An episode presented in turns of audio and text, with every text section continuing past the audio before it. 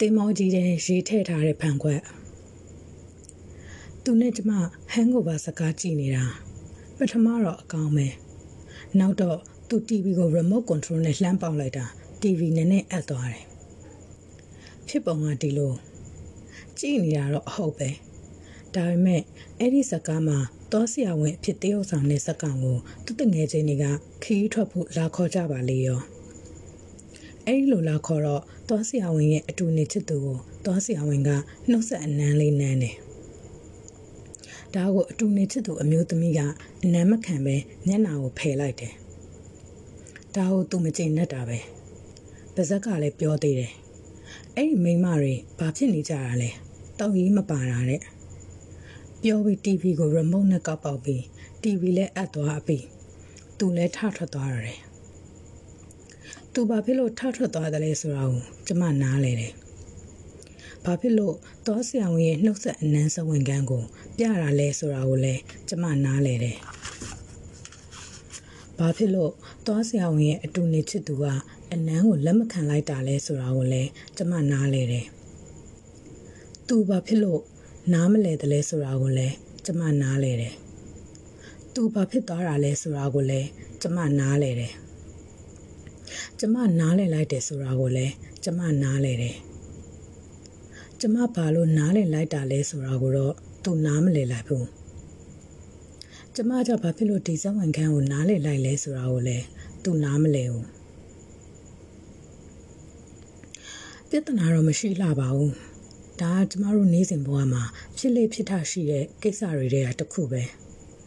ကျမတို့အိမ်အောင်တက်တန်းမှာကြီးကြီးမားမားပြဿနာ ဘာမှမရှိခဲ့လှပြီလို့ဒီလိုတိတိမောမောပြဿနာလေးတွေကတော့ခဏပြီးခဏပဲ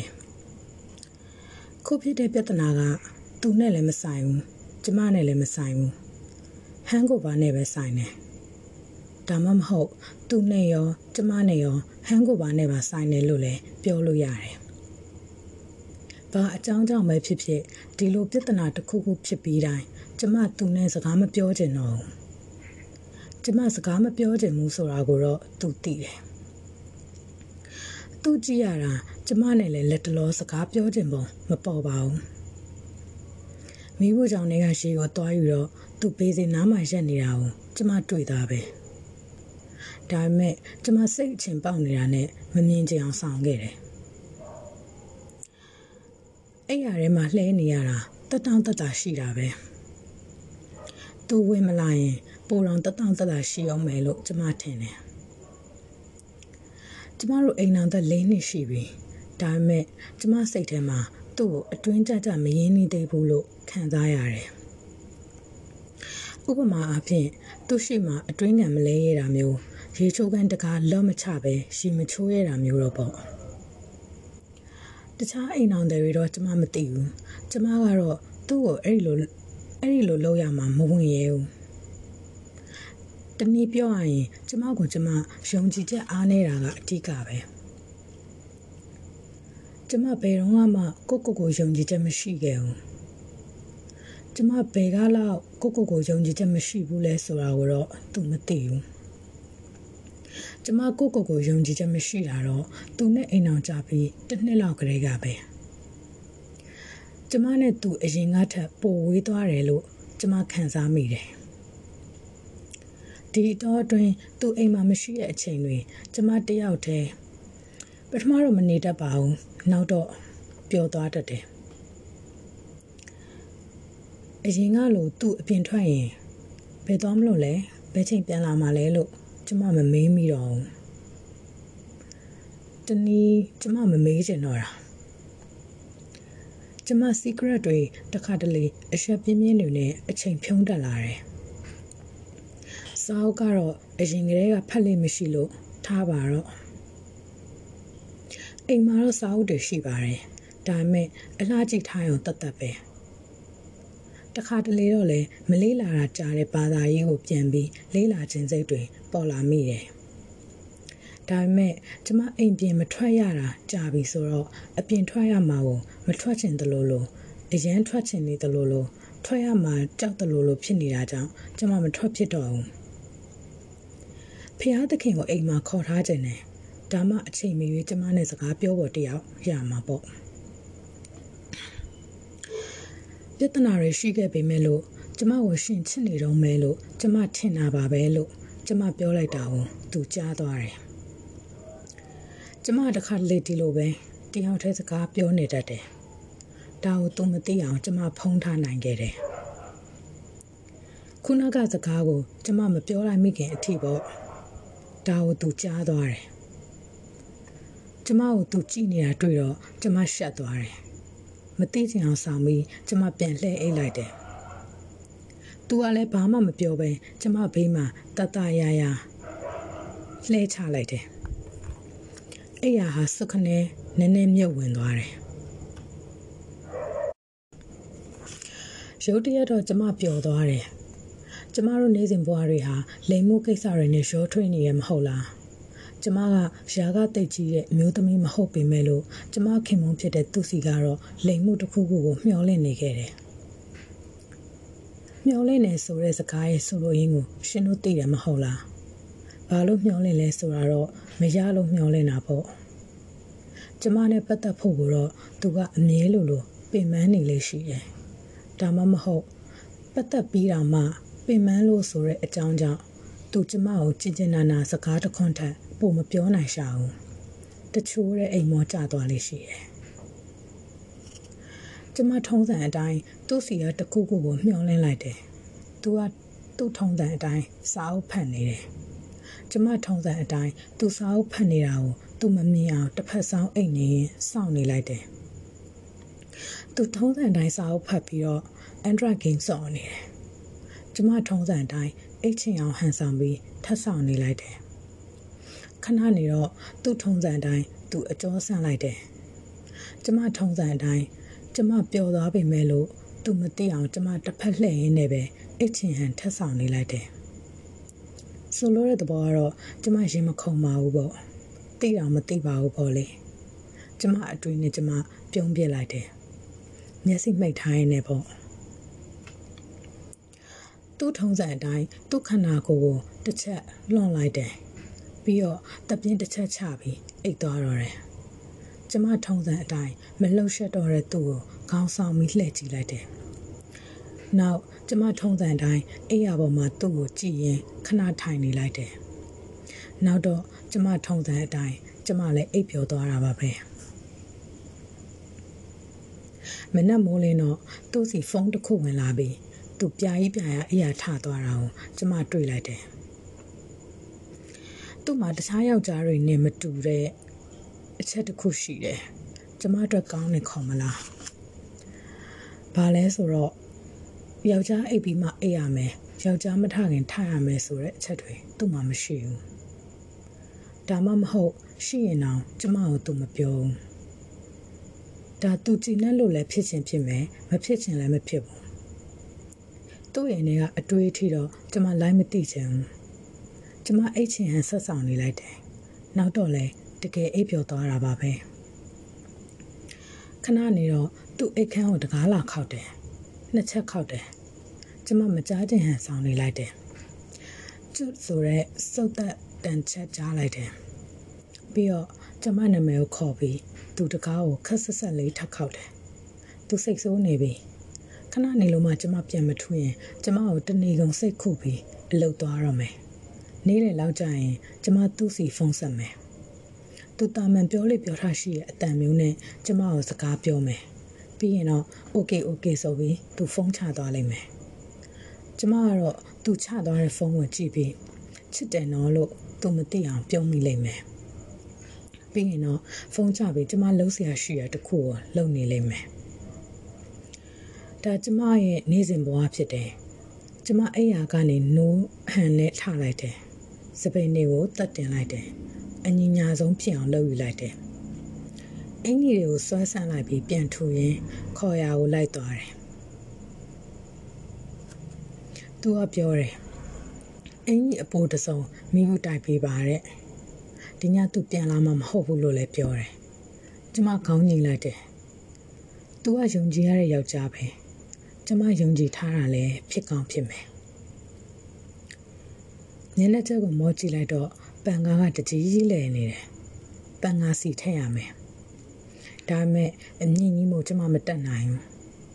ဒီကြားထဲကျမကဝလာလိုက်သေးတယ်ကျမကိုကိုကိုပို့ပြီးယုံကြည်မှုနေသွားစေတာအဲ့ဒါကြောင့်လည်းပါတယ်တအိမ်လုံးထဲမှာတအိမ်လုံးရဲ့နဲ့ကျမတယောက်တည်း ကော်ဖီတစ်ခွက်ဖြော်တောက်လိုက်တယ်ပြီးတော့ဂိမ်းစော်နေလိုက်တယ်ပြီးတော့ခဏအိတ်ကြည့်လိုက်တယ်ပြီးတော့သူ့စာအုပ်စင်ပေါ်ကစာအုပ်တချို့ရှုကြည့်လိုက်တယ်ပြီးတော့ပြီးတော့ကျမတယောက်တည်းစကားပြောလိုက်သေးတယ်များသောအားဖြင့်ကျမတယောက်တည်းစကားပြောပြီးရင်အိမ်သားထဲမှာပဲပြောပြတာများတယ်ရီရောရီရတယ်အိမ်သားထဲမှာထိုင်နေရင်နန်းနန်းစော်စော်နဲ့ကျမစကားပြောနေတတ်တယ် တယောက်တည်းလေးတန်လေးနဲ့ပေါ့တခါတလေတော့လေကျမဘာသာဇလန်းတွေထွင်ရင်းစကားပြောတာပါတခါတခါကျတော့လေသူ့လိုလိုပါဇက်ကထွက်ချင်ရထွေရလေးပါတွေရှောက်ထွက်နေတာပါပဲဒီနေ့အင်္ဂါတက်တော့ကျမဇလန်းတစ်ခုကိုဘာသာထွင်ပြီးစကားပြောနေလိုက်တယ်လူတယောက်နဲ့ကျမစကားပြောကန်ပေါ်လေ ဇလန်းအစလည်းကျမမသိဘူးအဆုံးလည်းကျမမသိဘူးဘာတွေဖြစ်ခဲ့ဆိုတာလဲကျမမမှတ်မိတော့ဘူးအင်သားတွေကအထွက်ဘေးစင်မှာလက်ဆေးရင်လက်ဆေးရင်နဲ့ကျမရဲ့စကားပြောဇလန်းလေးလဲပါသွားတယ်တခါလေကျမကကျမတွေးတယ်ဘာရမဟုတ်ပါဘူးများသောအားဖြင့်တော့စိတ်ကြအောင်ကိုယ့်ဟာကိုယ်လုပ်နေတာပါပဲကျမဆက်ရှိနှစ်တုန်းကထင်တယ် စိတ်ကျမ်းမာရေးစေးုံတစ်ခေါက်ရောက်ဖူးတယ်တရားမဝင်စေးဝါလို့ကျမတို့နိုင်ငံမှာသတ်မှတ်ထားတဲ့စေးဝါတချို့ကိုကျမမှီဝဲပူတယ်အဲ့ဒီတော့ဆိုကျမဇလန်တွေတိတ်ထွက်တာပေါ့အဲ့ဒီတော့ကကျမအသိဉာဏ်ကကလေးအစင်းလောက်ပဲရှိသေးတော့ကလေးဇလန်လေးတွေပေါ့လေကျမတောင်ဝင်းကြီးပေါ်ရောက်သွားတယ်ပေါ့အဲ့ဒီမှာကြောင်လေးတစ်ကောင်နဲ့တွေ့တယ် အဲ့ဒီကြောင်လေးကအစိမ်းရောင်လေးကျမကိုကြည့်ပြီးတခက်ခက်ရင်းတယ်ကျမကစိတ်ဆိုးပြီးလိုက်ရိုက်တယ်သူကထွက်ပြေးတယ်ကျမမိသွားတော့သူကရှင်းပြရှာတယ်သူရီတာကကျမကိုကြည့်ရတာမဟုတ်ပါဘူးတဲ့လေဒီကာကာကိုတွေ့လို့ချောင်းဆိုးတာပါတဲ့ကျမခွင့်လွှတ်လိုက်တယ်ခွင့်လွှတ်တယ်လို့သူ့ကိုမပြောလိုက်ခင်မှာကျမကသူ့ကိုလူကြီးပြပြစုံမစကားတွေတောင်ပြောလိုက်သေးတယ်သူကဟုတ်ကဲ့ဟုတ်ကဲ့နဲ့ပြောပြီး ခေါင်းငုံလို့ထွက်သွားတယ်ကျမကောင်းညိတ်ပြီးကြံခဲ့တဲ့ဒီနေ့သူမရှိတော့ကျမဇလန်းတစ်ပုတ်တွေးမိတယ်သူနဲ့စတွေ့ကြတဲ့ကခုထိကျမဖြစ်ရှင်တဲ့ဆန္ဒတွေပါတဲ့ဇလန်းတစ်ခုပေါ့အပြစ်မှာတကယ်ဖြစ်နေတာလည်းမဟုတ်ကျမနားမှာသူလည်းမရှိရှိရင်တော့မှကျမတွေးနေတာကိုသူသိမှာမဟုတ်တဲ့အတွက်စိတ်လုကွန်လွန်နဲ့သူ့ကိုအားနာစရာမလိုပဲတွေးချင်တာတွေးနေလို့ရတယ် ပထမဇလန်တစ်ပုတ်ကိုတွေးလိုက်ပြီးတော့ကျမတငယ်ချင်းလို့ထင်ရတဲ့ကျမဖုန်းထဲမှာရှိနေတဲ့လူတွေကိုလိုက်ရှာကြည့်တယ်ပြီးတော့ဖုန်းဆက်ကြည့်တယ်တယောက်ကပြောတယ်သူအလုပ်ထဲမှာတဲ့ဟုတ်မှာပဲကျမဖုန်းချပေးလိုက်ရတယ်နောက်တစ်ယောက်ကိုဖုန်းဆက်ကြည့်လိုက်တယ်သူ့အတူနေချစ်သူနဲ့တခြားမျိုးတစ်ခုမှာတဲ့ဟုတ်မှာပဲသူ့အတန်ပျော်နေပုံပဲ သူ့အပျော်ကိုကျမဝေမျှခံစားနိုင်တာကတကြောင်ကျမစိတ်ထဲမှာသူများပျော်နေတာကိုမခံစားနိုင်တာကတကြောင်ကျမစိတ်ထဲကိုကိုကိုဘာဖြစ်နေမှမသိလို့စိတ်ညစ်နေတာကိုသူသိသွားရင်သူပါစိတ်ညစ်သွားမှဆိုးတာတကြောင်တို့ကြောင့်ကျမဖုန်းချပေးလိုက်ရပြန်တယ်။သူကတော့မေးချမေးရှာပါတယ်။ကိစ္စတစ်ခုခုရှိနေလားတဲ့။နောက်တစ်ယောက်ကိုထပ်ဆက်မိသေးရထင်တယ်။ကျမမှတ်မိတော့ တိတ်ဆိတ်တာကိုကျမကြိုက်ပေမဲ့လို့တခုခုလိုနေတယ်လို့ခံစားရတာတော့ကျမမကြိုက်ဘူး။ကျမအသက်25နှစ်ရှိပြီ။ကျမစိတ်ထဲမှာအသက်50ကျော်ပြီလို့ခံစားရတယ်။ကျမလိုအပ်တဲ့အခါလောက်ကျမလိုအပ်တဲ့အခါလောက်ကလွဲလို့မှန်မကြည့်ဘူးမှန်မကြည့်တော့ဒါမှမဟုတ်မှန်ကြည့်ဖို့စိတ်မပါတော့ လက်ရှိကျမအလုံးမရှိဘူးအလုံးမရှိတာကဝေထရီတစ်ခုလိုကျမခံစားရစေတယ်ကျမခြံထဲကိုမစင်းတာတစ်နှစ်ကျော်ရှိပြီအပြင်ကလူတွေဘလို့သွားလာလှုပ်ရှားနေကြလဲကျမမသိတော့ဘူးကျမနေ့စဉ် TV ကြည့်တယ်ကျမစကားတွေကိုကျမတချို့စကားတွေကိုကျမကြိုက်တယ်တချို့စကားတွေကိုကျမမကြိုက်ဘူး တချို့စကားတွေကမရည်ရပေမဲ့ရည်ရအောင်ကြိုတင်ဖန်တီးထားတာတွေ့တော့ကျမရည်ပေးလိုက်ပါတယ်အနည်းဆုံးတော့သူတို့စူးစမ်းမှုကိုကျမအတိမပြုတ်တယ်ဆိုတာကိုကျမသိသွားတာပေါ့ကျမတခြားလုံးဆရာမရှိလို့ပြင်းလာတော့အပြင်ထွက်ဖို့ကြိုးစားလိုက်တယ်ကျမတို့နိုင်ငံရဲ့ယာတိဥတို့ကအရင်ကထက်အများကြီးပိုပူလာသလိုပဲ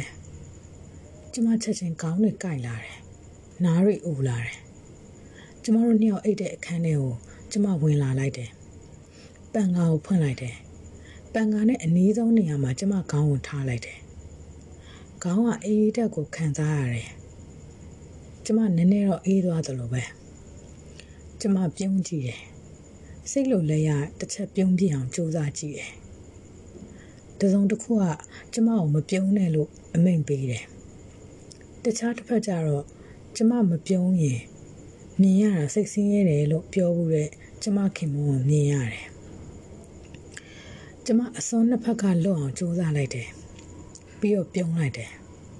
ကျမအပြုံးကကြောက်စရာကြီးတော်တော်ရုပ်ဆိုးတဲ့အပြုံးဆိုတာမှန်မကြည့်ပဲကျမသိလိုက်တယ်ကျမမှာဖက်လုံးတစ်လုံးရှိတယ်အဲ့ဒီဖက်လုံးထက်နည်းနည်းကြည့်ရင်ကျမခင်မွန်းခန္ဓာကိုယ်စိုက်ပဲကျမဖက်လုံးကိုဖတ်လိုက်တယ် အခန်းတောက်မှာကိုကိုလေးအိတ်လိုက်တယ်ပြီးတော့ဖက်လုံးခံပြီးမျက်ရည်ကျလိုက်တယ်ကျမမျက်ရည်ကျရတာတိတ်လွယ်တဲ့အမျိုးသမီးပဲကျမဘဝမှာကြက်ရကိုတွေးလိုက်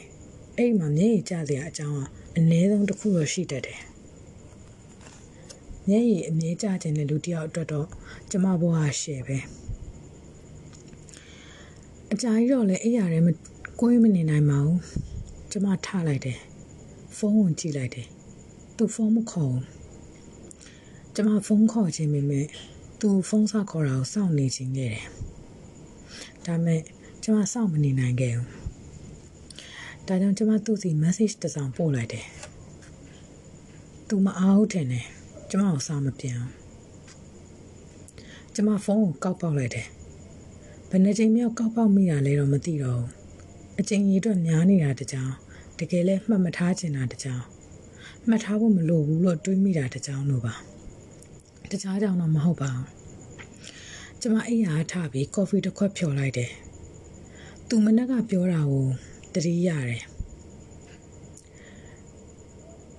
ကျမကြတော့ကော်ဖီမှုန့်အကျန်းတွေကိုပို့ကြိုက်တယ်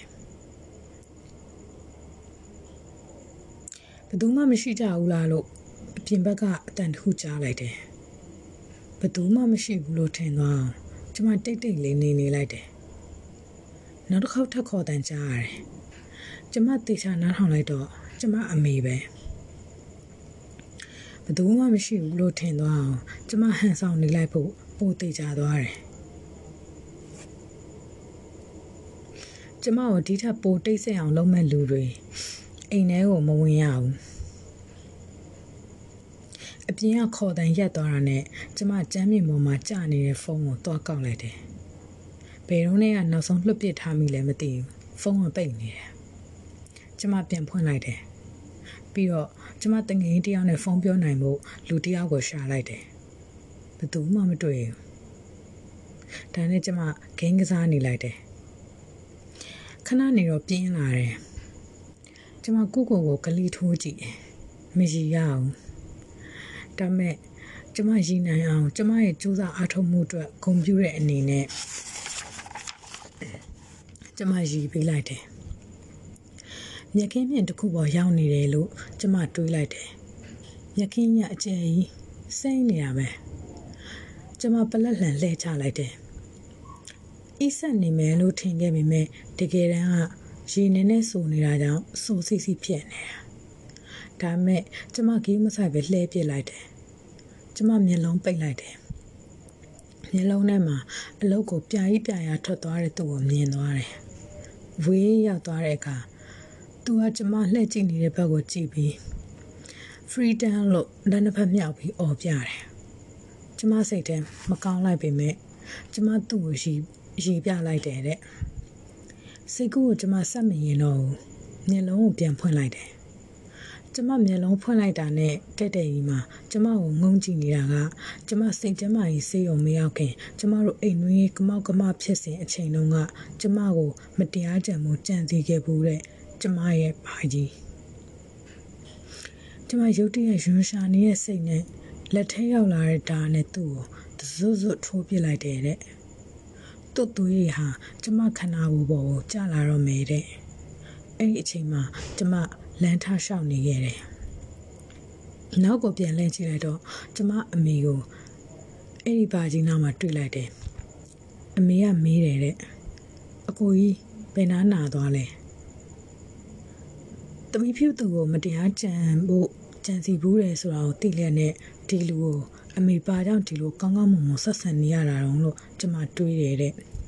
နောက်တော့အမေကိုကျမဒါနဲ့ပြေးထိုးပြစ်လိုက်တယ်တဲ့ပြီးတော့ ကျမအော်ရီလိုက်တယ်တဲ့ပြီးတော့ကျမရှုံလုံးလို့တွေ့ကြရရှိကန်လေးတစ်ခုမှရေစင်းကိုလိုက်တယ်တဲ့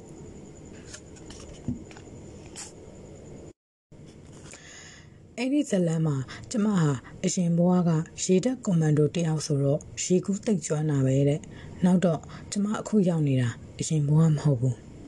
အခုလက်ရှိဘွားလို့တွေးမိတာကြောင့်ကျမရေနစ်သွားတယ်တဲ့ရေအောက်မှာတိတ်မောနာပဲ ကျမခင်မွန်းရဲ့နာမည်ကိုတနေလိုက်တယ်ရေပေါ်ခဏပြန်ပေါ်လာတယ်ကျမကိုကျမကိုကျမမဟုတ်တဲ့တခြားမိန်းကလေးတယောက်နဲ့တွဲပြီးငုံကြည့်နေတဲ့သူ့ကိုကျမမြင်လိုက်ရတယ်ရေရီရေရီတအားမောနေပြီကျမသူ့ကိုလက်ကန်လိုက်တယ်တဲ့သူကလက်ပြန်ကန်မိမဲ့သူ့ဘေးကမိန်းကလေးကကျမမျက်နှာမကြည့်လင်းတာကြောင့်လက်ပြန်ရုပ်သွားတယ်တဲ့ ကျမစိတ်ကူးကိုရက်ပစ်လိုက်တယ်တော်ပါသေးရဲ့ကျမသိတော့မလို့သူပြန်လာရင်ကောင်းကောင်းမွန်မွန်ကြိုမယ်လို့ဆုံးဖြတ်လိုက်တယ်ကျမတစ်ချက်ပြုံးလိုက်တယ်ရေချိုးတယ်အဝတ်လဲပြီးစပိန်ကိုဖီးတယ်တချင်းနားထောင်နေလိုက်တယ်ဖုန်းထဲကတချင်းတွေကဟောင်းနေပြီအားလုံးပေါင်းမှ22ပုတ်ပဲရှိတယ်အားလုံးအလွတ်ရနေပြီ ဒါမဲ့တခြားတချင်းကျမမှမရှိဘူးဘာပဲပြောပြောတချင်းနားထောင်တာကကျမကိုနည်းနည်းတော့အပြင်းပြေစေတယ်ည၈နာရီခွဲသွားတယ်သူပြန်မလာသေးဘူးကျမဖုန်းဆက်ကြည့်ရင်ကောင်းမလားသူတော်ဖုန်းဆက်ဖို့မေ့နေနိုင်သေးတာပဲလို့ကျမတွေးတယ်မဆက်ပဲနေလိုက်တယ်ခဏနေတော့ကျမ message တစ်စောင်လောက်ပို့ကြည့်ချင်လာတယ်ပို့လိုက်တယ်သူချက်ချင်းနေနေပဲဖုန်းပြန်ဆက်တယ် သူပြန်မလာနိုင်လို့စိတ်မကောင်းပါဘူးလို့ကျမကိုပြောတယ်တငယ်ချင်းတယောက်ရဲ့ပါတီရှိလို့ပါလို့ထပ်ဖြည့်ပြောတယ်အော်လို့ကျမပြောလိုက်တယ်စိတ်ဆိုးသွားတာမဟုတ်လားလို့ကျမကိုသူမေးတယ်မဟုတ်ပါဘူးလို့ကျမခက်ဆက်ဆက်ပြန်ပြောလိုက်တယ်အင်းအင်းဒါဆိုလည်းပေးတာပဲလို့ပြောပြီးသူ့ဖုန်းချသွားတယ်ကျမပြုံးလိုက်တယ်မှန်သွားကြည့်လိုက်တယ် မှန်တဲ့ကကျမကိုကျမပြုံးပြလိုက်တယ်မှန်တဲ့ကကျမကကျမကိုပြုံးပြနေတယ်ငငယ်တုန်းကအတက်နိုင်ဆုံးတူအောင်ငငယ်တုန်းကနဲ့အတက်နိုင်ဆုံးတူအောင်ကျမပြုံးပြလိုက်တယ်မင်းလှတော့မယ်မင်းတယောက်တည်းကိုကိုတတလုံးချစ်မှသိလားလို့မှန်ထဲမှာကျမပြုံးရင် ကျမကိုစိတ်လိုလက်ရပြောလိုက်တယ်အ ਨੇ ဆုံးတော့ကျမရဲ့စူးစမ်းအထောက်မှုကိုဂုဏ်ပြုတင်တယ်မဟုတ်လားနေရတာအရန်ပြင်းနေရင်တင်တန်းတစ်ခုခုတက်ပါလားဒါမှမဟုတ်တငယ်ချင်းတွေနဲ့ဖုန်းပြောရှောက်လဲဒါဆိုရင်ရောလို့အတီးတယောက်ကကျမကိုအရင်တလောတော့ကအကြံပေးဘူးတယ်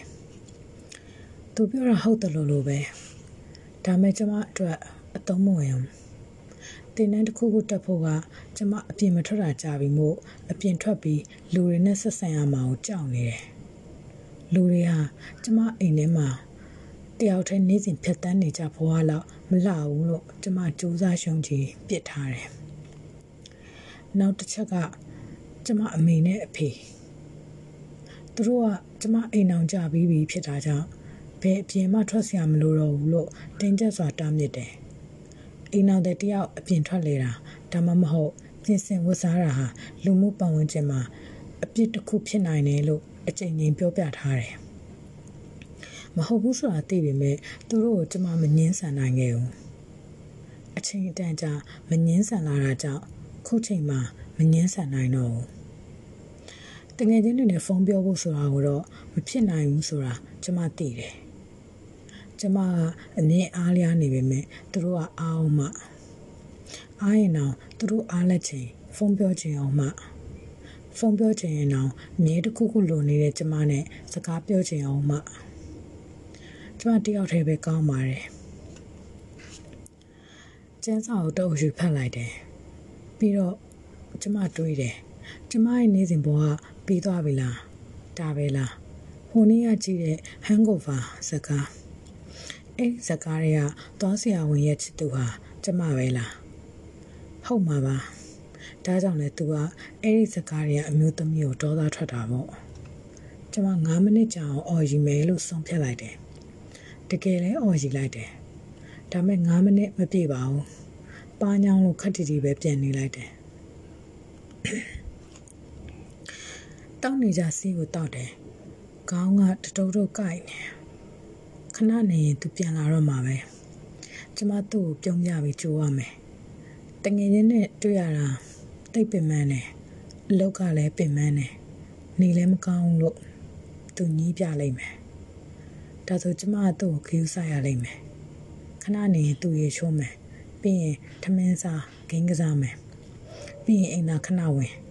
အိပ်ရတဲ့ဝင်စောက်ဖက်ပြီးရင်အိတ်တော်မယ်လောလို့နှုတ်ဆက်လိုက်မယ်ကျမ ပြုံးပြီးခေါင်းညိတ်ပြရလိမ့်မယ်ကျမပြုံးပြရဲဆိုတာကိုသူ့ကိုရွှဲတာလို့သူသိချင်မှသိမယ်သိချင်လဲသိမယ်တိလက်နဲ့မသိချင်အောင်ဆောင်နေရလဲဖြစ်နိုင်တာပဲအိပ်ပျော်နေတဲ့သူ့ကိုကျမကြည့်မယ်မျက်ရည်ကျရအောင်မယ်ပြီးတော့တပြင်းတစ်ခုချမယ်သူနဲ့အနည်းဆုံးကပ်ပြီးအိမ်မယ်မနက်မိုးလင်းရင်သူအလုပ်သွားလိမ့်မယ် နေ့စဉ်ဘဝမှာအဲ့ဒီအတွက်ပဲကျမရှင်တန်ရတော့မှာလားကျမဆိုတာပါလဲကျမဟာရုံးနံမရှိရဲ့ပစ္စည်းဥစ္စာတစ်ခုပဲ drum မရှိဘူးနာမရှိဘူးစိတ်ဝိညာဉ်မရှိဘူးခံစားချက်မရှိဘူးကျမမှရှိတာစေးပလင်းတချို့ပဲကျမဆုံးဖြတ်လိုက်တယ်ကျမမှာအိမ်အောင်မကြခင်ကအတူနေဘူးတဲ့ main ကလေးတယောက်ရှိတယ်သူကကျမကိုအခုထိ အရန်ချစ်တော်မယ်ကျမဘိုးကြလို့ရတာသူတယောက်ပဲရှိရကြောင်းကျမလည်းသူ့ကိုတိတ်ချစ်တယ်ဒါမဲ့သူနဲ့ကျမကအနေဝေးတယ်သူကျမကိုဖုန်းတစ်ခါဆက်ဖူးတယ်သူခဏပြန်လာတယ်တဲ့သူ့ကိုလာတွေ့ပါတဲ့ကျမသွားမတွေ့ဖြစ်ခဲ့ဘူးခုကျမသူ့ဖုန်းနံပါတ်ကိုရှာတယ်ဟုတ်တယ်ကျမသူနဲ့တွေ့ရမယ်သူနဲ့ရပိုင်းလောက်အပြင်မှာသွားနေရမယ် ကျမခင်မုန်းကိုလည်းကျမမှလည်းအဆအဆအရာရာဝေမျှနိုင်တဲ့ချစ်သူတွေရှိရဲဆိုတာကိုကြွားရမယ်ကျမသူနဲ့အပြင်မှာရပိုင်းလောက်အတူတူနေရင်စားချင်တာစားမယ်ပန်းညံတွေရှောက်လဲမယ်စာအုပ်ဖတ်ဝါနာပါတဲ့သူကိုစာအုပ်အယောင်းဆိုင်တွေလိုက်ပို့မယ်အခန်းလေးတစ်ခုထဲမှာတက်တိစိတ်စိတ်နဲ့ခြေပစ်လက်ပစ်အတူတူထိုင်ရင်စာအုပ်တူတူဖတ်ကြမယ်အပြင်ကရွာနေတဲ့မိုးတန်လေးကိုနားထောင်မယ် ပြီးတော့ရုပ်ရှင်တကားလောက်အတူတူကြည့်အောင်မယ်ဟာတာကားဖြစ်ရင်ပိုကောင်းမယ်သူနဲ့ကျမအတူတူရေးကြမယ်ညနေမှအိတ်ကြမယ်တယောက်ကိုတယောက်နှွေးနေအောင်ဖတ်အိမ်မယ်မအိတ်ခင်ရေချိုးလိုက်အောင်မယ်ရေကိုတူတူချိုးမယ်ပြီးတော့တပတ်တစ်ထည်တည်းကိုအတူတူတောက်မယ်သူ့စပင်လေးကိုကျမအရှိတုပ်ပေးမယ်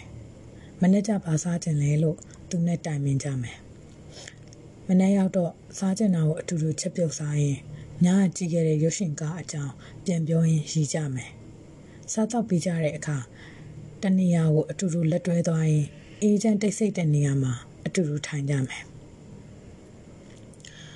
ကျမသူဆက်ခဲ့တဲ့ဖုန်းနံပါတ်ကိုပြန်ရှာလိုက်တယ်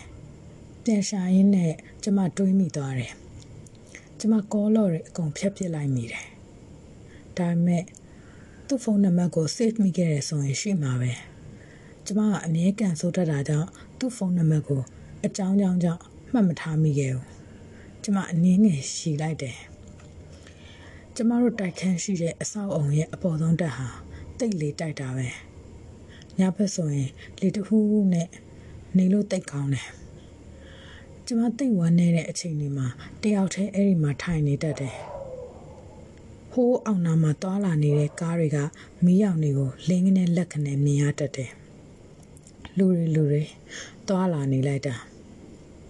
သူတို့တွေကတင်မောအကြီးကြီးတစ်စီးဆိုပါစို့ကျမဟာအဲ့ဒီတင်မောအကြီးကြီးတဲ့ကရေထည့်ထားတဲ့ဖန်ခွက်လေးတစ်ခွက်ပေါ့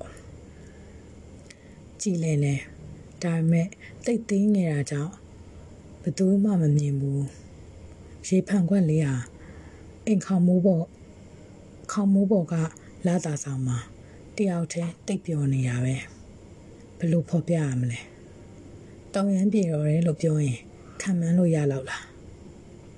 ချိုပိန်းတာ31ရက်ဒီဇင်ဘာ2014